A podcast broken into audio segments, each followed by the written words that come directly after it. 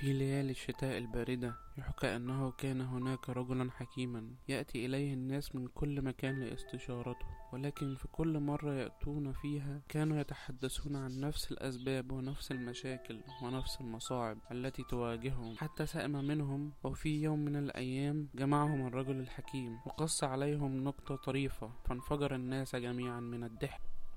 وظلوا يضحكون وقت طويلا. وبعد دقائق قص عليهم النكتة مرة أخرى فابتسم عدد قليل منهم ثم بس عليهم النكتة مرة ثالثة فلم يضحك أحد. عندها ابتسم الحكيم وقال لا يمكنكم الضحك عن النكتة نفسها أكثر من مرة فلماذا تستمرون؟ التذمر والبكاء على نفس المشكلة في كل مرة. العبارة المستفادة من هذه القصة القلق لن يحل المشكلة وإنما هو مضيعة للوقت وهدر للطاقة. وفي النهاية أتمنى لكم نهاية سعيدة.